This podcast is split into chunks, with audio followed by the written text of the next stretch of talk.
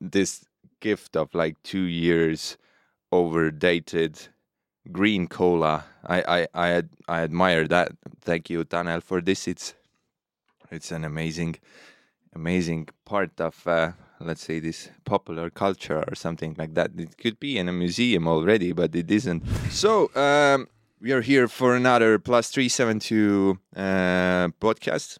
This time it's it's going to be the first one we're doing in English.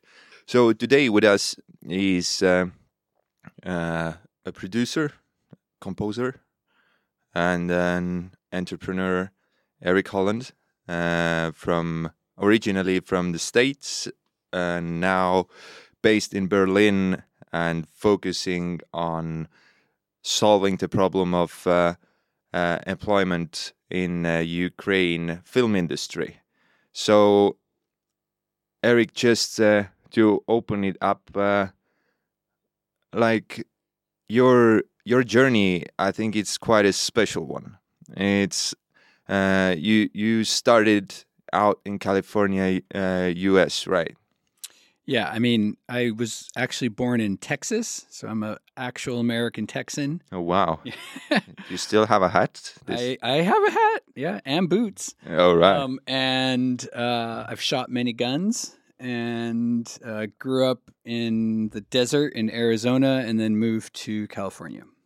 Okay, but um, during your childhood or during your time there in Texas, was there like any any experiences or or moments that already referred to you finding your way into creative industry? Not there. I was pretty young, but in uh, growing up in Arizona, yeah, definitely. Um, I was always connected with music. Mm. Um, and my father actually designed discotheques Hmm. in the late 70s all around the country. Um, and he would take me as a little tiny kid. Uh, and I learned to DJ like disco, like real disco. Oh, wow. And so, and then since that time, I was always been just connected to music.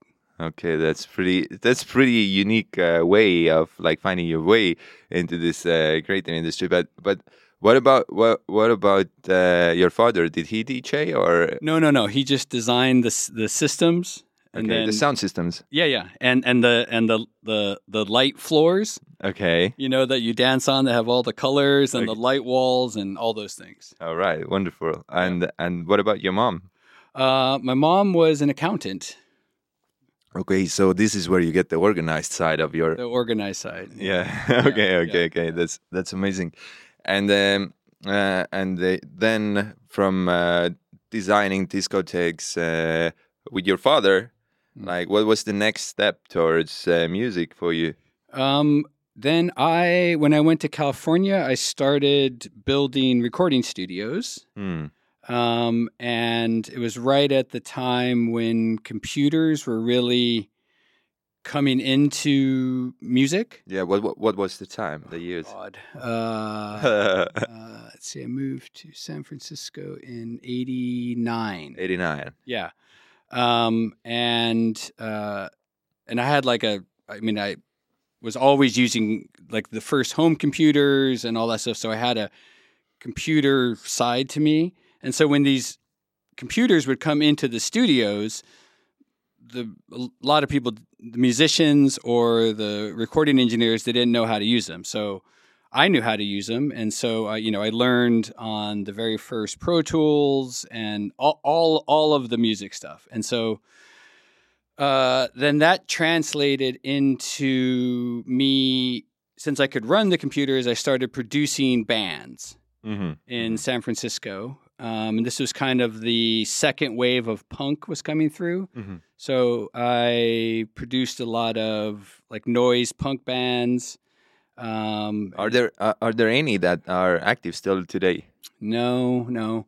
Um, I did some records for this band called Faith No More. Faith No More. Yeah, which has like Mike Patton and um, but they're I mean everyone's old. I'm old. Um, but uh, then then I started a noise band, Mhm.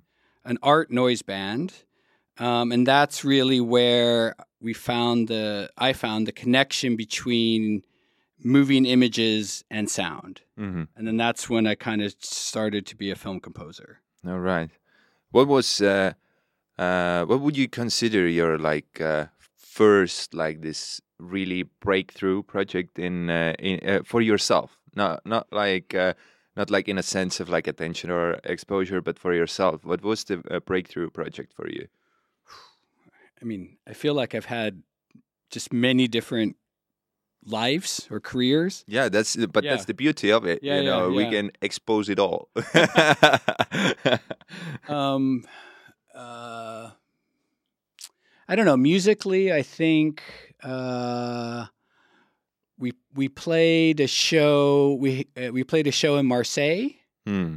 Um, and we did one in Tokyo. So we we only played five shows. We did San Francisco, New York, London, Marseille, and Tokyo. Yeah. Um, and the the one in Marseille was the first time that we what we would do is basically edit scenes from our favorite movies, hmm like Blade Runner, spaghetti westerns, Mhm. whatever, and then rescore it, like redo all the music while you watch these films. Okay. Um, so it was an art noise kind of thing, and then you know, I don't know, it just kind of all made sense. Yeah, yeah, yeah, yeah. yeah, yeah. Okay, uh, and uh, and and the Marseille one was was the one that you would consider like this one that you remember the most. Yeah, because we, we basically we got a um, a grant Mhm. to live there for a month, like artist in residency, Yeah, yeah, yeah. and we collaborated with a bunch of local musicians and uh, and then did this huge show at the end, like an art installation show. I know it was just really great. Okay, that sounds amazing. Yeah. Like like a good trip, you know. And and if you if you consider like the stuff that you're doing right now, you're doing like documentary movies, you're doing feature films. Uh, so like, uh, d- is there a specific like essence or or something uh, that you put in your work today that you have picked up from the time that you just described? I don't know. That was a long time ago. There was a lot of pastis and hash going around. so um, I don't. I mean, I think it. I think it's the probably the like the love of collaboration Hmm. with other creative people, Mm. and you know, seeing seeing the how something can grow organically um, if you surround yourself with creative people. Yeah, that's a beautiful thing. I think. Yeah, wonderful. And uh, and then uh, uh, you being a noise band, traveling the world, Mm. returning back to California. Like, what was the next stage towards uh, the filmmaking? Yeah, so there was actually kind of a break in there where uh, I chased uh, my tech background. Mm. And so I worked in Silicon Valley for a while during the whole big startup time. What did you do? I was a director of technology for a few companies. Um, and, you know, like, you know, making technology. Yeah. Uh, But what kind of tech was it? So- was, it still connected with music or creative industry?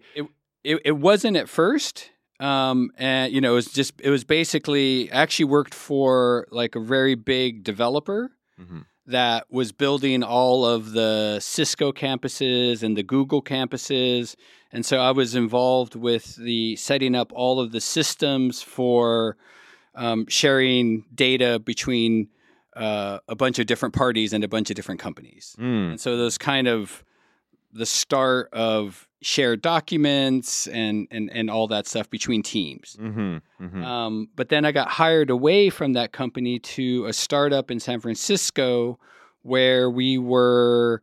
Uh, it was a music startup, hmm and it was to do um, streaming shows and interview musicians when they came to town, hmm and like making video content and uh, having guest DJs come in and you know play like play sets and then we would stream it and you know that kind of thing. And so Alright. that's that was the transition back to a creative industry and then I never left the creative industry since then basically. But what what kind of uh, because there's a lot of like uh, there's a lot of excitement there is a lot of money there is a lot of like there is a good life in this like technology sector especially if you talk about silicon valley. It's it's highly valued there. Like why did you why did you decide to quit all that? Because there is a lot of people like looking towards this life and thinking this is the fucking dream you know? It's Yeah, I mean, well, I mean, first of all, I wasn't in one of those companies that made b- billions and billions. I was in the other one, uh, yeah, the one next door. all right. Um, but just few hundred millions you know Yeah, it's like ah fuck. wish, yeah. um, the working in pure tech, I don't know, it's just soulless. I mean, it was, I mean, I don't know. I, I didn't like. It, wa- it wasn't what I wanted. It wasn't creative. It I mean, in the way that I wanted to be creative. Mm. Um, and so, you know, I, tr- I basically moved into being, you know, working on media projects.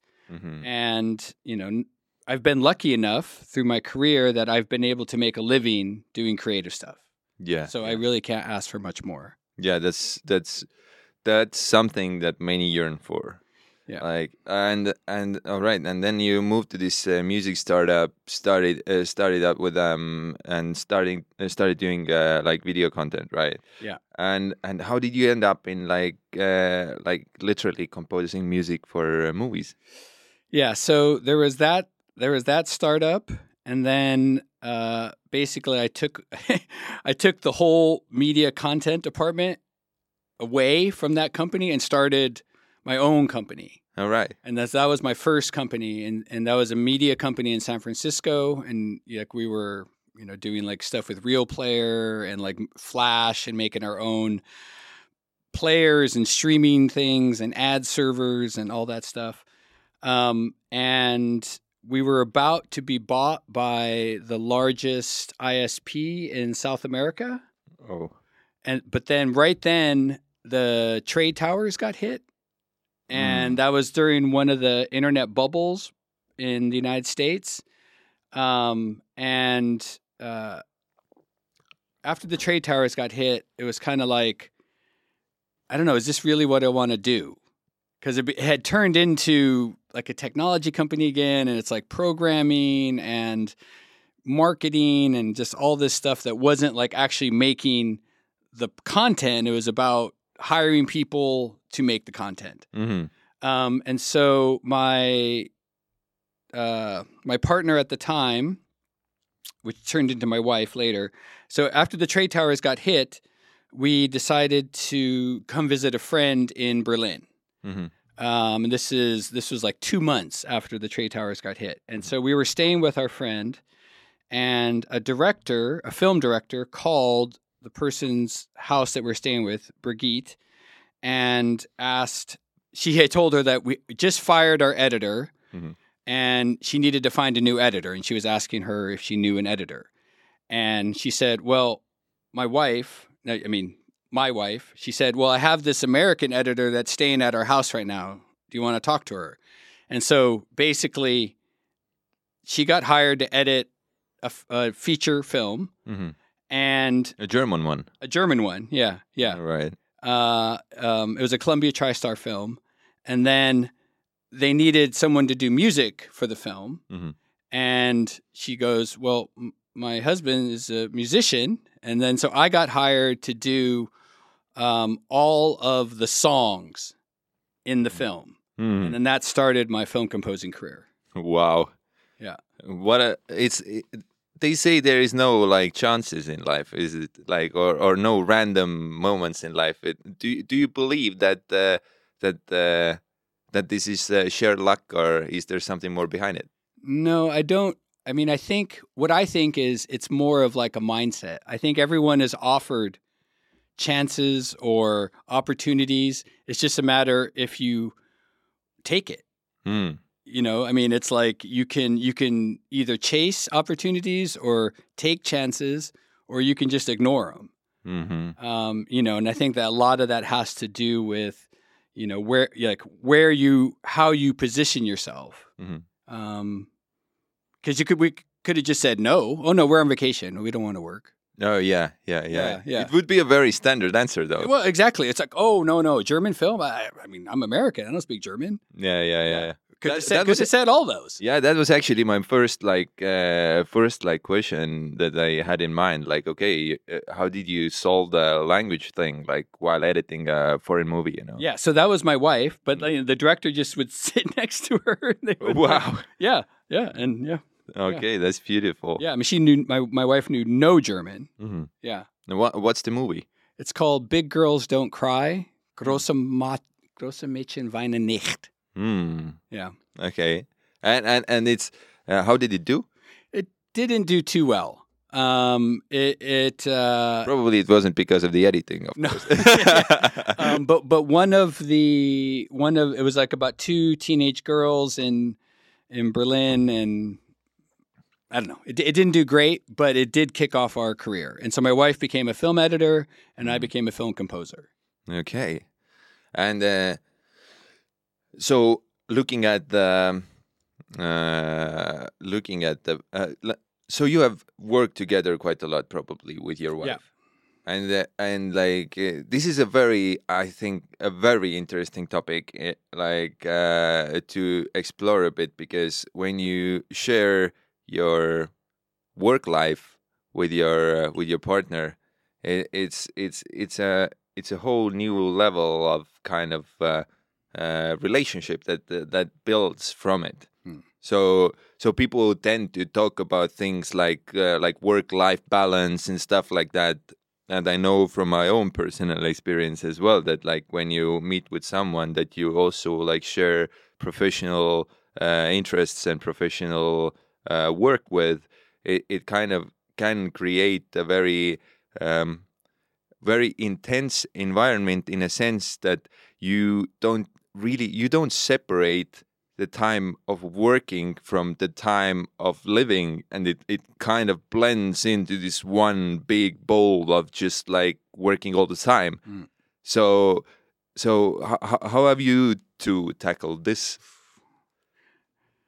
I mean, you know, that's that's an ongoing process that is evolves over time, and you know, yeah. how I long mean, have you been doing that together Um, oh god, uh, um, probably now twenty five years, fuck me twenty seven years, maybe. Wow, this is amazing. Yeah, Like and, yeah. and and and I think the most amazing thing is what you said that it's an ongoing process. It's it's a very let's say it this perspective makes me very cautious in a, in a sense but but uh, but but uh, how would you describe this uh, experience in a sense I- mean, it, I mean that's a long time, and we've worked on so many projects and worked on different projects that we didn't, you know, and you know, it's it's it's kind of I don't know. There's, there's no secret sauce. I mean, it's like Mm. either you need to work on on the relationship and being friends, or it just gets messy. Mm.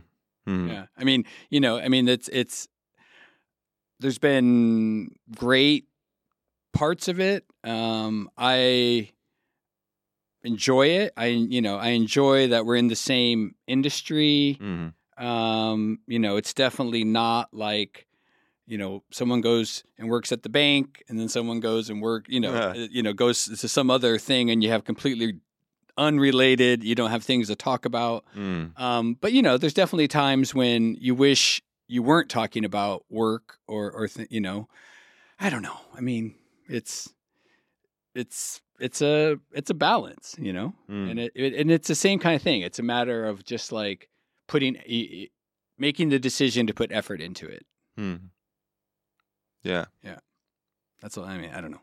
Yeah, yeah. I, I, I think it's a it's a it's a very like healthy way of seeing seeing that uh, that thing that that way of living because like yeah uh, if he if he if you look at the like the modern way of like relationships in the sense you know it's it's very uh people tend to get bored from each other really quickly right now Mm. uh, and they just like change partners and like look for the love of their life and uh, think that this that it's something that is is like constant you know Mm.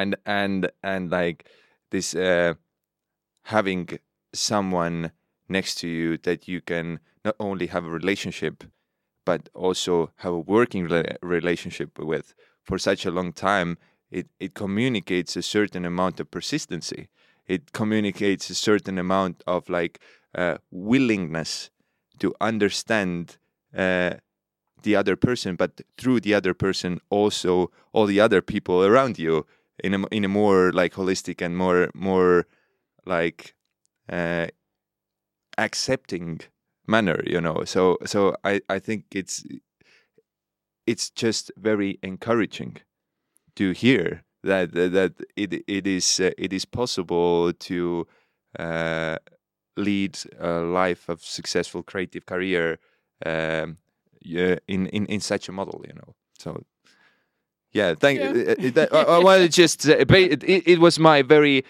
very bumpy way of saying thank you for sharing that Yeah. uh, so yeah um, moving from uh, moving from your cooperation uh, with your partner to the things that you uh, focus on and put your time and effort and energy in today. Mm. Like, I know for a fact that you have started one and a half years ago, two years ago. One and a one and a half now, I think. Yeah. Yeah, one and a half years ago, you started Dim Film House production. Yeah. So a Ukraine-based uh, production company uh, that has offices in Kiev and Berlin and Warsaw, and uh, and you started it as a direct action after the war in Ukraine between Ukraine and uh, Russia broke out, and and you just decided that you need to do something, and that something that you decided to do was creating opportunities for the film industry people from Ukraine. Could you please share like the experience of how it all started for you? Yeah, yeah. I mean, so um, moved to Berlin. Uh, my family moved to Berlin now two and a half years ago. Mm. Um, during the end of COVID, Mhm. um, we just decided to move to Berlin. Um, and What was what what- what was the like? Why Berlin?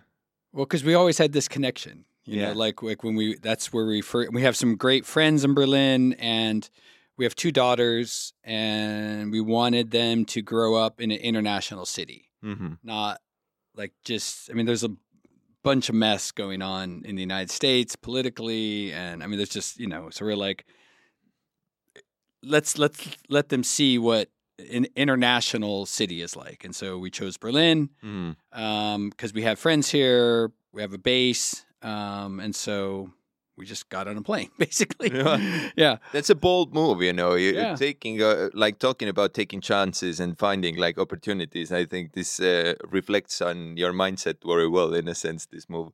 yeah, yeah. I mean, eh, yeah. I mean, you know, it's like, I mean, same thing I was saying. It's like we could have not done it or not even think about it, but Mm. it's like it can be done. Yeah. Um, so we're there basically a year when uh, Russia invaded Ukraine, uh, and you know, for the first time in our lives, you know, we lived somewhere where there's like a war that's really not that far away, and Mhm. you know, and it- Mm. you know, at the beginning, you know, there's all this talk is this like World War Three starting? They're taking Yeah. over this nuclear power plant, and we're like, wow, we're it's just like right over there Mhm. um, you know, and and you know, compared to the United States, like size wise, I mean, it's it's next door. yeah. yeah, yeah, Um, and so um, basically, you know, it was f- f- kind of freaky that this was happening, and I'm a history buff, um, and you know, followed all, all of kind of the the major conflicts in Europe since you know the turn of the, cent- the, the since the 1900s, like World War One, World War Two, like Yeah, those kind yeah. of things. Um, and you know when I when I was hearing the reasons that Putin was giving to invade Ukraine, Mhm. I mean it was like he was just reading the speeches that Hitler read, why he went into Poland, why he, you know it's like oh that used to be part of Mm. Germany. Those people really want to be part of Germany. They don't want to be part of that kind, you know. And Mm. it, and I'm living in Germany now, and I'm like, okay, well, the Germans are going to just take care of this because they're, you know, they they had the last massive fascist dictator, but the Germans didn't. I mean, the beginning of the war, they just kind of sat on their hands and were like, "Oh, I we don't, don't approve of this. we don't. Yeah, here's some helmets, you know." And I'm like, "What the fuck?" you know. Uh, and it's so. Um, I was like kind of agitated, and you know, being American, we don't like bullies. Mhm. Um, you know, we like the underdogs. You know, all all these kind of things, and so. You know, I was like donating money and calling, uh, writing letters to my my representatives in the United States, saying you need to vote for aid to Ukraine, all this stuff. Mhm. Um, and then I met uh, some Ukrainian refugees that were in Berlin that were from the film industry, Mm. and they were telling me kind of they were explaining to me because I was like asking questions like you know what was it like and you know the the film industry Yeah, yeah. and they were they were explaining that the film industry in Ukraine, from their perspective, was kind of just getting going. Mhm. Like it was, you know, there was a lot of young people in it, and they were starting to feel like they could um, stretch past their Soviet times and express themselves in Yeah, these yeah. new ways. And you know, the the film festival scene there was kind of building, and and all this stuff. And they said it was very exciting, and it was kind. Of, but then, bam! You know, the war started, and all that just got smashed. momentum in a sense. Yeah, yeah. Um, and so, you know, in talking to them, and I was like, oh, you know, it's like it kind of felt similar to other situations. I felt like I was in the right place at the right time, like with my background. Um, and I was like, oh, I can, I can help. I can help these filmmakers. You know, we can make opportunities for, you know, filmmakers that lost their funding because of the war, um, all this stuff. So I started the company in Kiev with four Ukrainians and someone from Sweden. hmm Um, and we just started collecting uh, Ukrainian films Mhm. that were close, either, either done with production or close to being done with production when their funding got cut. Hmm and then we you know started to you know try to figure out how to get them funded or get them finished or you know and we you know it, it it just grew very organically from there Mm. um, and you know we, then we started realizing okay well maybe we can start helping ukrainian um, film industry refugees who are in Germany first, where we were, you know, to get hired onto jobs or, uh, you know, film production jobs or Mm. or whatever. Uh, and then we started a social impact campaign, um, and then kind of got our office in Berlin going. Um, yeah, Yeah, but but you say you said like the first projects were were the unfinished or like uh, uh, unfinished projects from the Ukrainian uh, like film industry, and like how many of those did you manage to uh, uh, build? let's see. Um, it's a challenge. I mean, it's hard to get funding. Of course. of yeah, course. yeah. So I think we did one, two. I think we finished three, Yeah. and then we have three more that should be finished coming up. Mm-hmm. Um, and out of a total of I think twelve. All right. Yeah, But yeah. it's almost fifty percent, so it's like Yeah, it's, yeah. It's I mean, Yeah, no, I mean, it, and and you know, the filmmakers are just so happy to have someone, you know, trying to finish their film. I mean, that's what they just want their films finished yeah, of course. and and people to see them. yeah, of course. And Yeah. and, and otherwise, they, those projects would be dead. Exactly. Yeah. Yeah, yeah. Um, uh, and I had the had an amazing opportunity. So the first one that we were able to get finished, that we got funding for, um, they had a friends and family screening in Kiev Mm-hmm. in July, Mhm. um, and I got to go to it Okay, two thousand. Just this last July, so 23. 2023. Yeah. Uh, yeah, I mean, it took basically a year to get it funded and post production finished. Mhm. Um, and so they had the Friends and Family screening in Kiev. Um, and I went to it, and it was very emotional. It was very, I mean, it was very emotional for the Ukrainians, and it was, um, it was quite quite an experience. It What was it the story? cool. Um, the story. It's the film's called Glyadyelov, and uh, the story is basically a documentary about this person named Sasha Glyadyelov hmm and he is a photographer. And over his career, he had kind of specialized in war photography. hmm Um, but he had been documenting Ukraine since the fall of the Soviet Union. And Mhm. so the film was actually in production before the war. And they were going to tell the story of Ukraine through his photos. hmm You know, he was at the first uh, at Maidan at the first revolution and the 2014 war, and but also just documenting society. uh, You know, hmm um, as a whole. as a whole. Yeah. So th- they were making that documentary, and he had he had been retired, and he's he's a he's a famous photographer. Like he's shown in London, New York, Berlin, like all over. Mm. Um, amazing black and white photos. He only shoots on a Leica and amazing photos. But when Russia invaded in 2020, in this last invasion, um, he came out of retirement um, and is you know basically like people need to know what's happening. Mm. You know, my my weapon is my camera. hmm I mean, and he went back to the front lines Wow. uh, yeah, I mean, and and has been taking photos since since this, and he's still taking photos. Like he went to Bucha and um, Irpin, and you know, just saw Mm, all that stuff like mm. firsthand.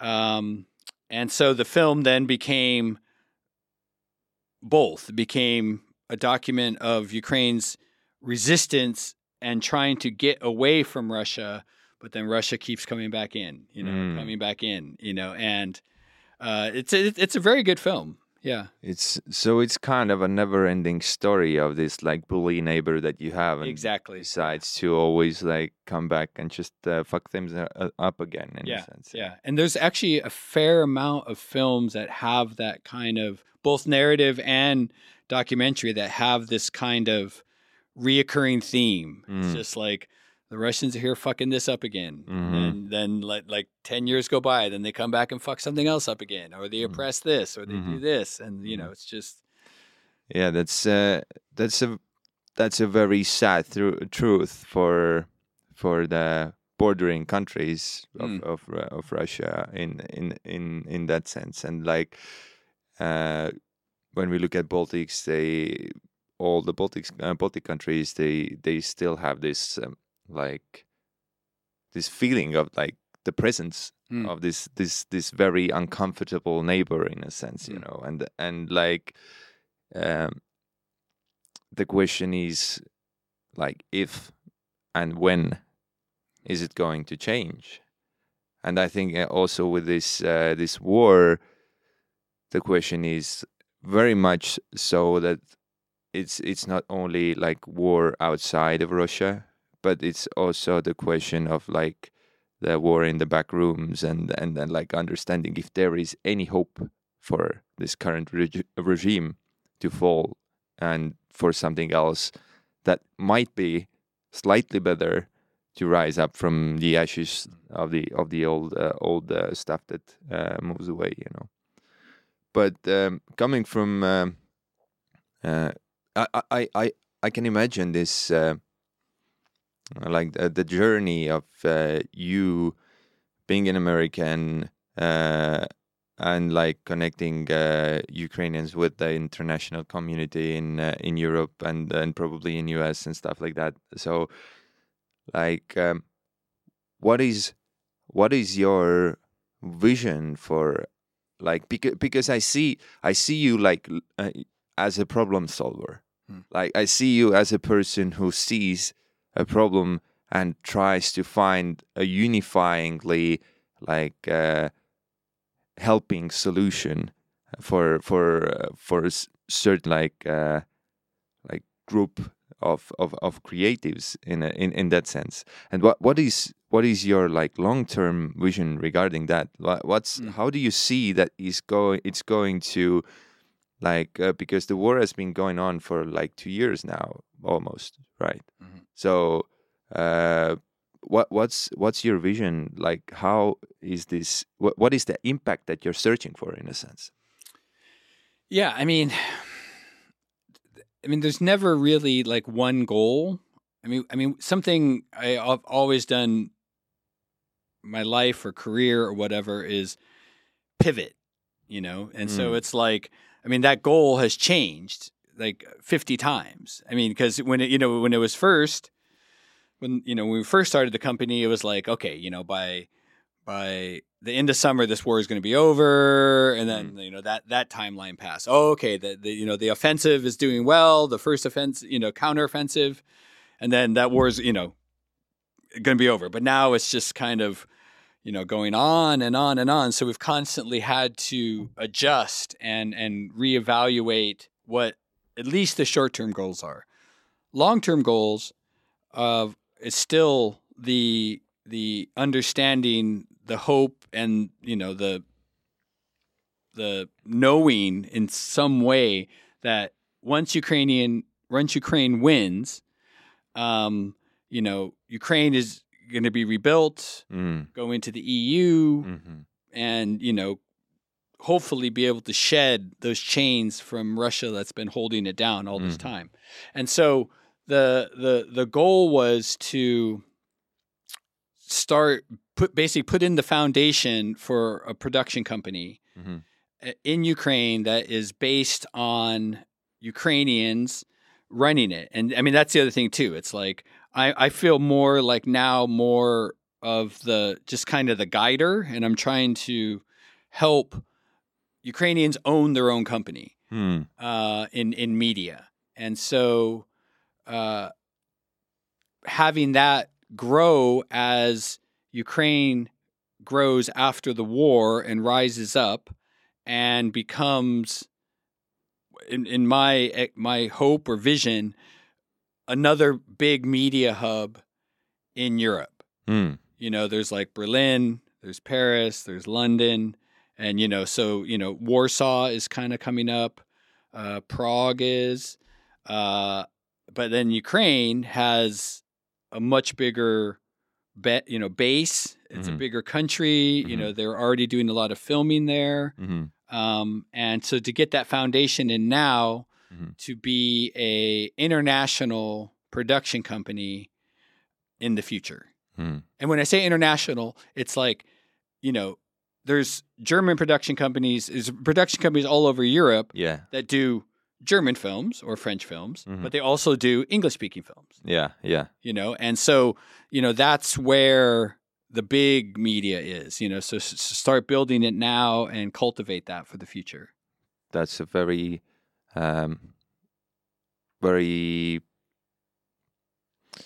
How do you how do you say this? I, I, I lost this word in English. It's a, it's a it's a good or it's a very bright vision uh, to have in a sense.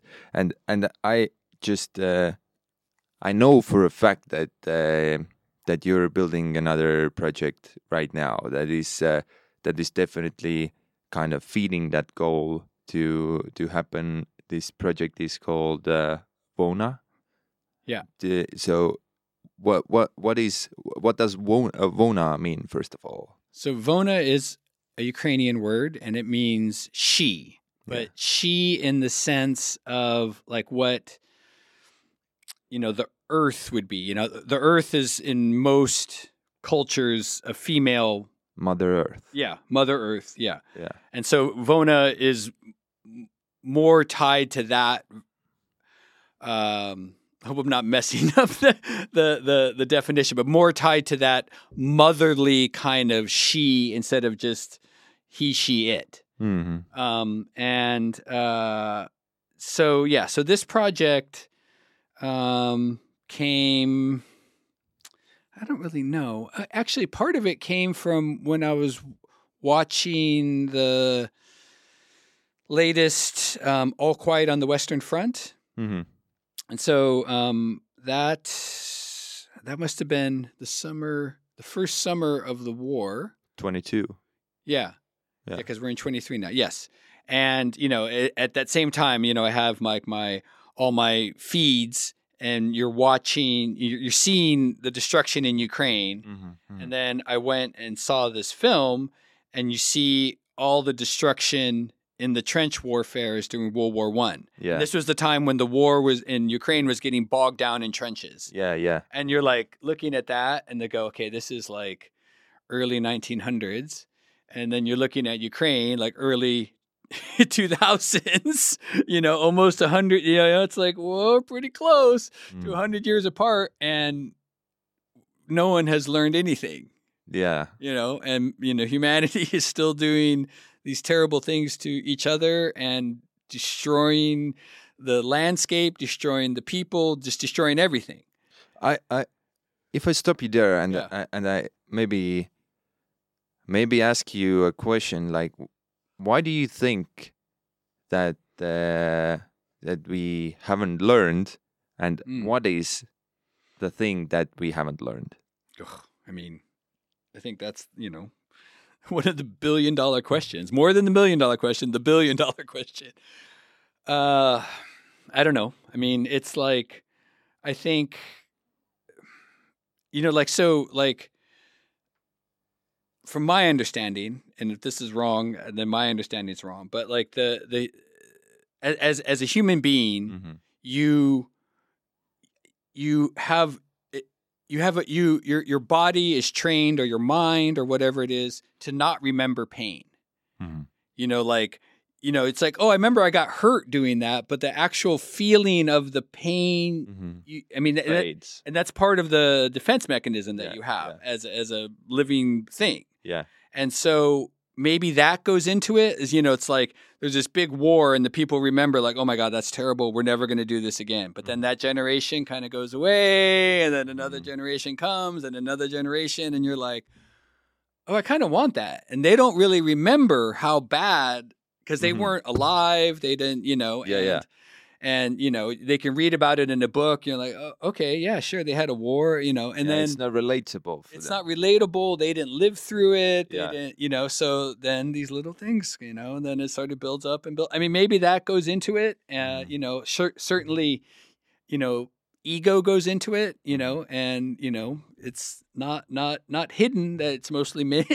Yeah, yeah, yeah. yeah. I mean, you know, and so you know, there's that part, and um, yeah, you know, I don't know. I, I think there's a lot of a lot of that, a lot of uh, people, you know, on one side or the other that you know just want to control stuff, Mhm. you know, and I- yeah, I I do agree. Definitely, this like uh, the, this um, memory loss, collective memory loss, in a sense, it it, it it it has a role to play. But uh, I also have this feeling that it's a lot to do with uh, mm, with um, this emotion that we tend to call love. Mm. So basically, I I think um, what what we when we are out from this kind of survival mode, so we start uh, like flourishing as a species or like as human beings, and we don't have to take so much into account the survival, and we can like be more creative, be more like free in a sense of like thought and action, and then uh, at some point uh, uh, we lose connection uh, in pursuit of uh, uh, of of of a kind of a social standard or a or or a or an image that we have created of ourselves in our head and and then we kind of lose the connection with the feeling of love with self love Mm, uh, like like uh, to be precise.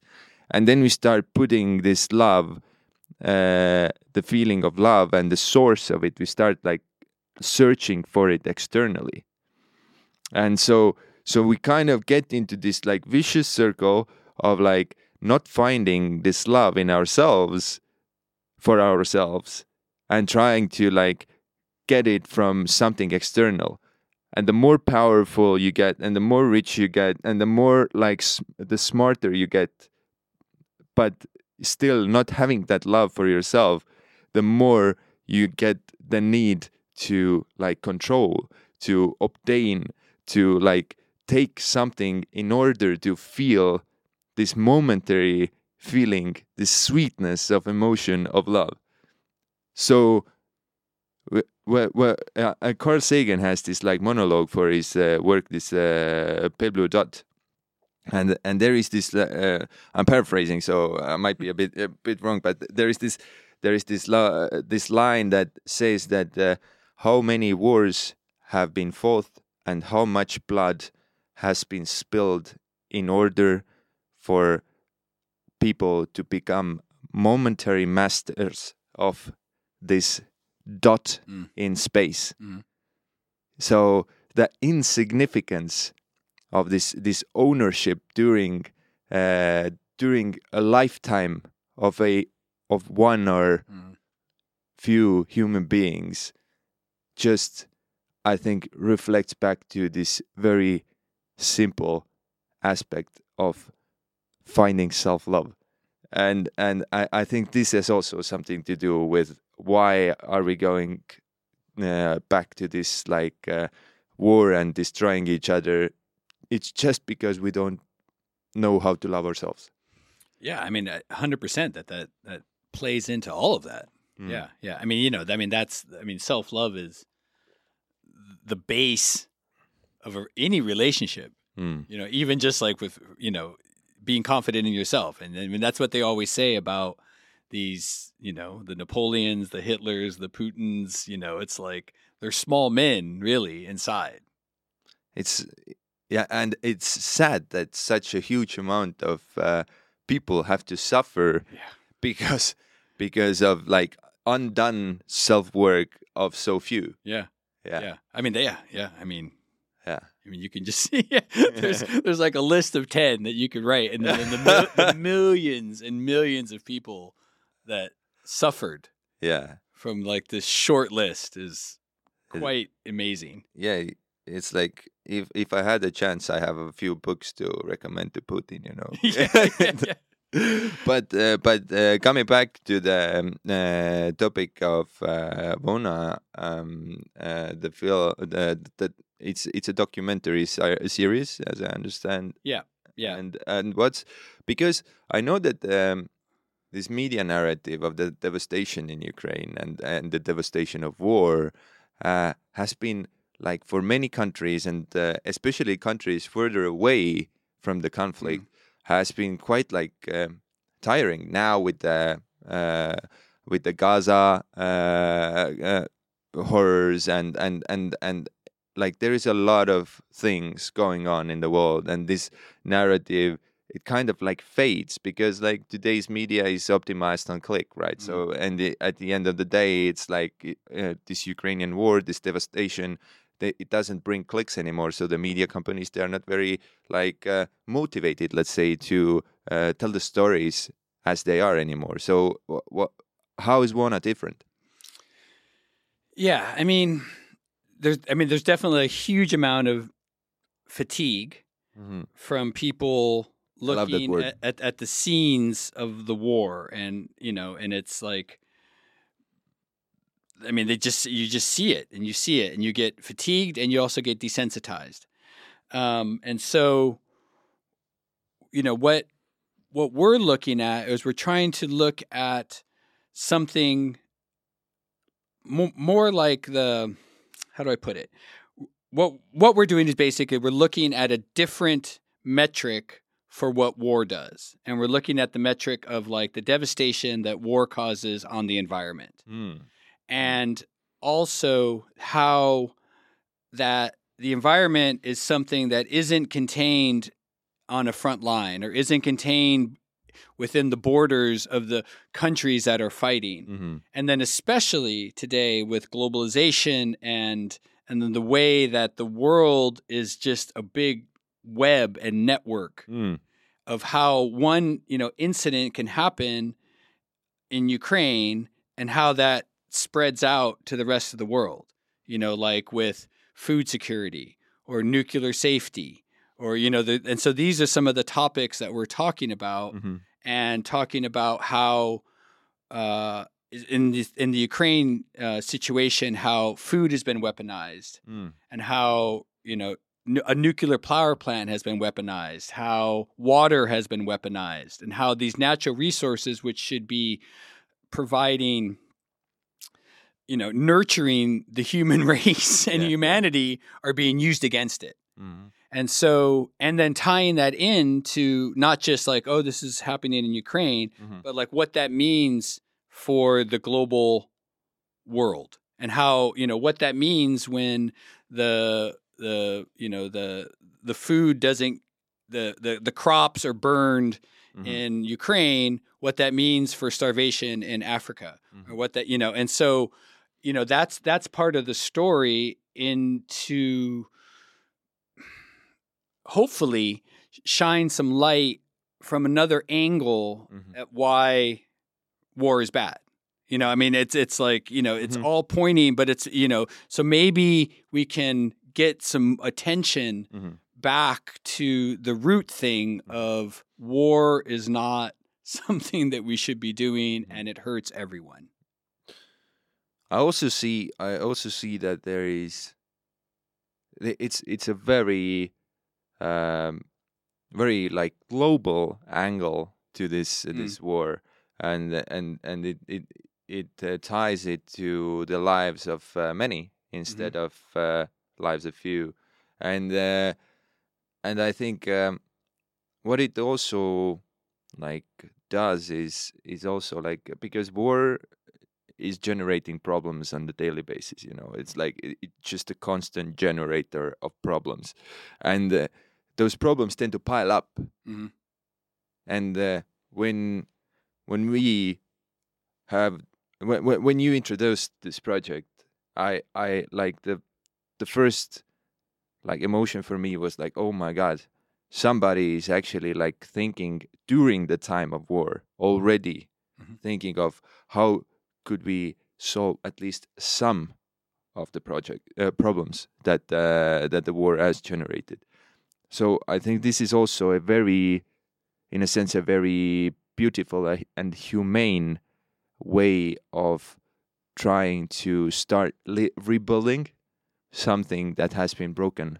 And uh, and and uh, in a sense that uh, that makes it a very like unique way of how to use m- filmmaking uh, for uh, creating wider action than uh, than just making art in a sense you know?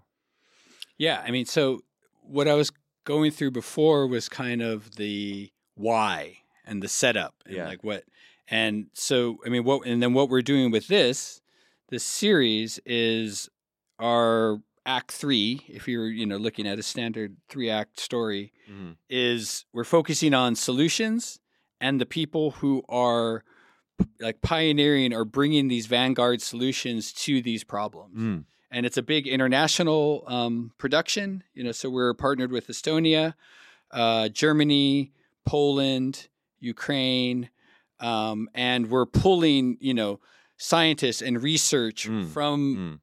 from these other countries, from the collective you know research community, Mhm. and then tying that in with the people in Ukraine who are living through this and also solving the same problems, and we're getting like a mind a mind connection Mm. and uh, you know, we're uh, f- trying to figure out.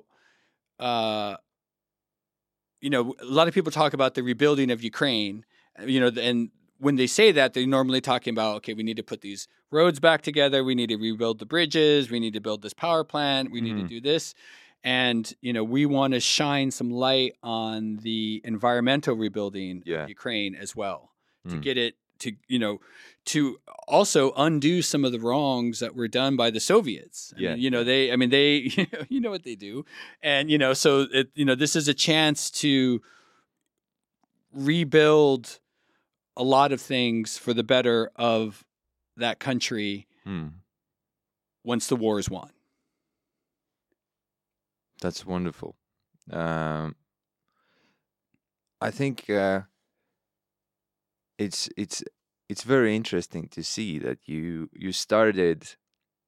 I mean, when we started talking, you you you spoke about uh, your trust in this creative co- collaboration and and i feel that the essence of this project as well it it, it re- reflects from it that that it's again it's the same value system of this creative collaboration. And it's a, it's a wonderful demonstration of how how you have chosen to steer this tool of creative ca- collaboration towards uh, towards action towards like actually making something better instead of just uh, just creating beautiful images you know which is also great Yeah. at times. But um, i usually mm, ask during the uh, the end of uh, of the conversations. I have uh, I have this question that i asked from everyone. Uh, and this question is like when uh, when you would know that um, uh, you you have the ear of all the people in the world and they understand uh, what you say to them. What is one like statement or a recommendation or something that you would want to say to whole world? Does everyone answer when you ask? yeah. Yeah yeah. You would be the first one not to so. Uh,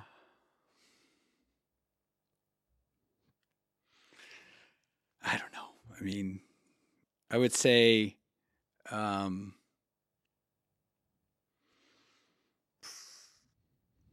it, it would have to be something that would be more like um, never give up or like trust yourself. Like, hmm. I mean, like never, never, ne- never think there's something that you can't do. Hmm. Maybe something like that. Like just follow, follow your passion. there was four so yeah. you only had one well, see, I'm not good at just one thing. I like to like, I like to like join a lot of things together. so so follow your passion. We'll go with that. follow your passion. Yeah. Yeah, that makes sense. So, Eric, um, thank you uh, for joining us for the podcast. Thank you for uh, uh, flying in for the Black Nights Film Festival uh, and like uh, finding uh, finding uh, your way to uh, also do Estonian production industry and film industry and. I'm really looking forward to seeing how this Vona will have its impact on on the global mind sp- mind space Mm. of uh, of the viewers and how it's going to generate positive action towards the problems that have been created by the war. Thank you so much for your time. Yeah. Well, thanks. Thanks for having me. It was it was very enjoyable. Okay. So we're done.